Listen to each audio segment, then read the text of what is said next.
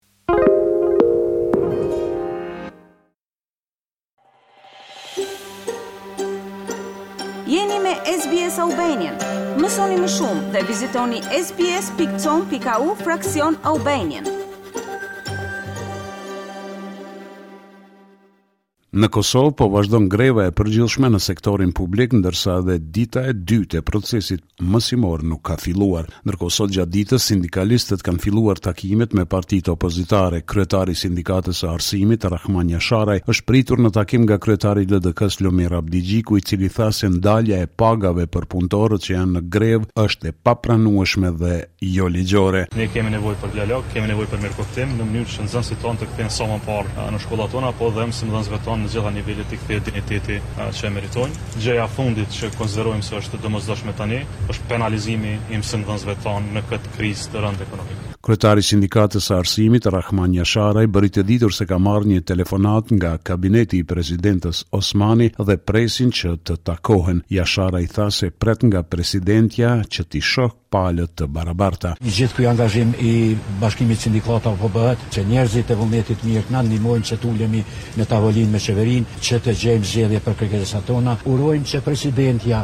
t'i shohë palët të barabarta. Sindikalistët janë pritur në takim edhe nga kryetari i Partisë Demokratike të Kosovës, Memli Krasniqi, i cili tha se nëse nuk ekzekutohen pagat e grevistëve deri në fillimin e javës së ardhshme, atëherë PDK do të iniciojë seancë të jashtëzakonshme në Kuvend për siç tha, kthimin e ligjshmërisë në vend. Ne do të iniciojmë kthimin e deputetëve në Kuvendin e Kosovës, do të iniciojmë mbajtjen e një seance të jashtëzakonshme për të marrë veprime të tjera të cilat do të mundësojnë kthimin e ligjshmërisë në këtë vend. Edhe kryetari i AAK-së, Ramush Haradinaj, ka adresuar kritika në drejtim të qeverisë lidhur me situatën e krijuar si pasojë e grevës. Sipas tij, dalja nga kjo gjendje është rritja e pagave. Ndërkaq për grevën në arsim e cila ka filluar nga njëzet e pesë gushti ka folur edhe kryeministri Albin Kurti. Ai tha se ligji i pagave do të dalë në diskutim publik javën tjetër dhe për mësimdhënësit koeficienti do të jetë më i mirë se në të kaluarën.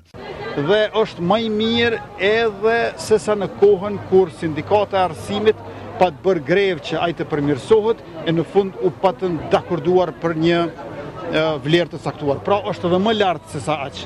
Kryeministri Kurti ka takuar dy liderët opozitarë, kreun e LDK-së Lumir Abdixhikun dhe atë të AAK-së Ramush Haradinajn. Pas këtij takimi, kryeministri Kurti tha se liderët opozitarë u informuan me të gjitha detajet sa i përket procesit të dialogut, ndërsa liderët opozitarë kërkuan që temë e vetme diskutimi me Serbinë të jetë marrëveshja finale me njohje reciproke.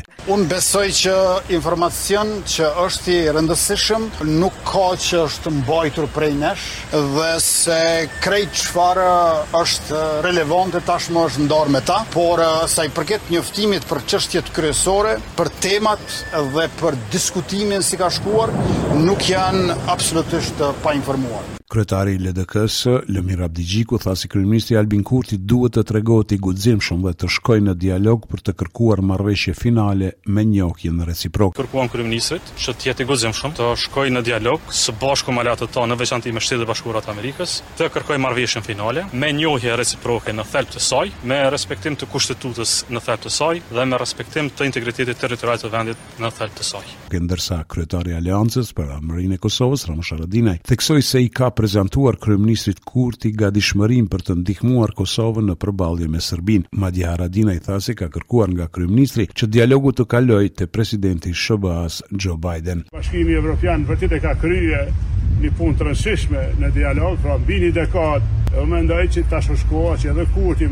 kërku zyrtarisht që portfolin e dialogut me e kalu te Presidenti i Amerikës, te zoti Biden. Ditë më parë ndodhi një ngjarje që tronditi qytetarët e Kosovës, një vajzë njëmbëdhjetë vjeçare është dhunuar nga pesë të rinj prej tyre tre adoleshentë. Si pasojë, në Prishtinë pati protesta si dhe dorëheqje të zyrtarëve të lartë të policisë dhe shërbimit korrektues. Sot kryeministri i Kosovës, Albin Kurti ka reaguar sërish për rastin e dhunimit. të njëmbëdhjetë vjeçares në Prishtinë. Ditë më parë, ai ka kritikuar Këshillin Gjyqësor dhe Prokurorial të Kosovës që nuk ka reaguar ende për këtë rast. Përmes një shkrimi në Facebook, kryeministri ka thënë se janë ndërmarrë veprime konkrete për këtë rast, duke u shkarkuar dy zyrtarë të lartë, ndërsa dy të tjerë janë dorëhequr. Sipas Kurtit, përgjegjësia nis nga prokurorët të cilët po mundësojnë që dhunuesit shpesh të mos ndëshkohen, ka shkruar. Kurti në Facebook, Marrëveshja e arritur me Serbinë për kartat e identitetit ka nisë të zbatohet dhe sipas zyrtarëve të lartë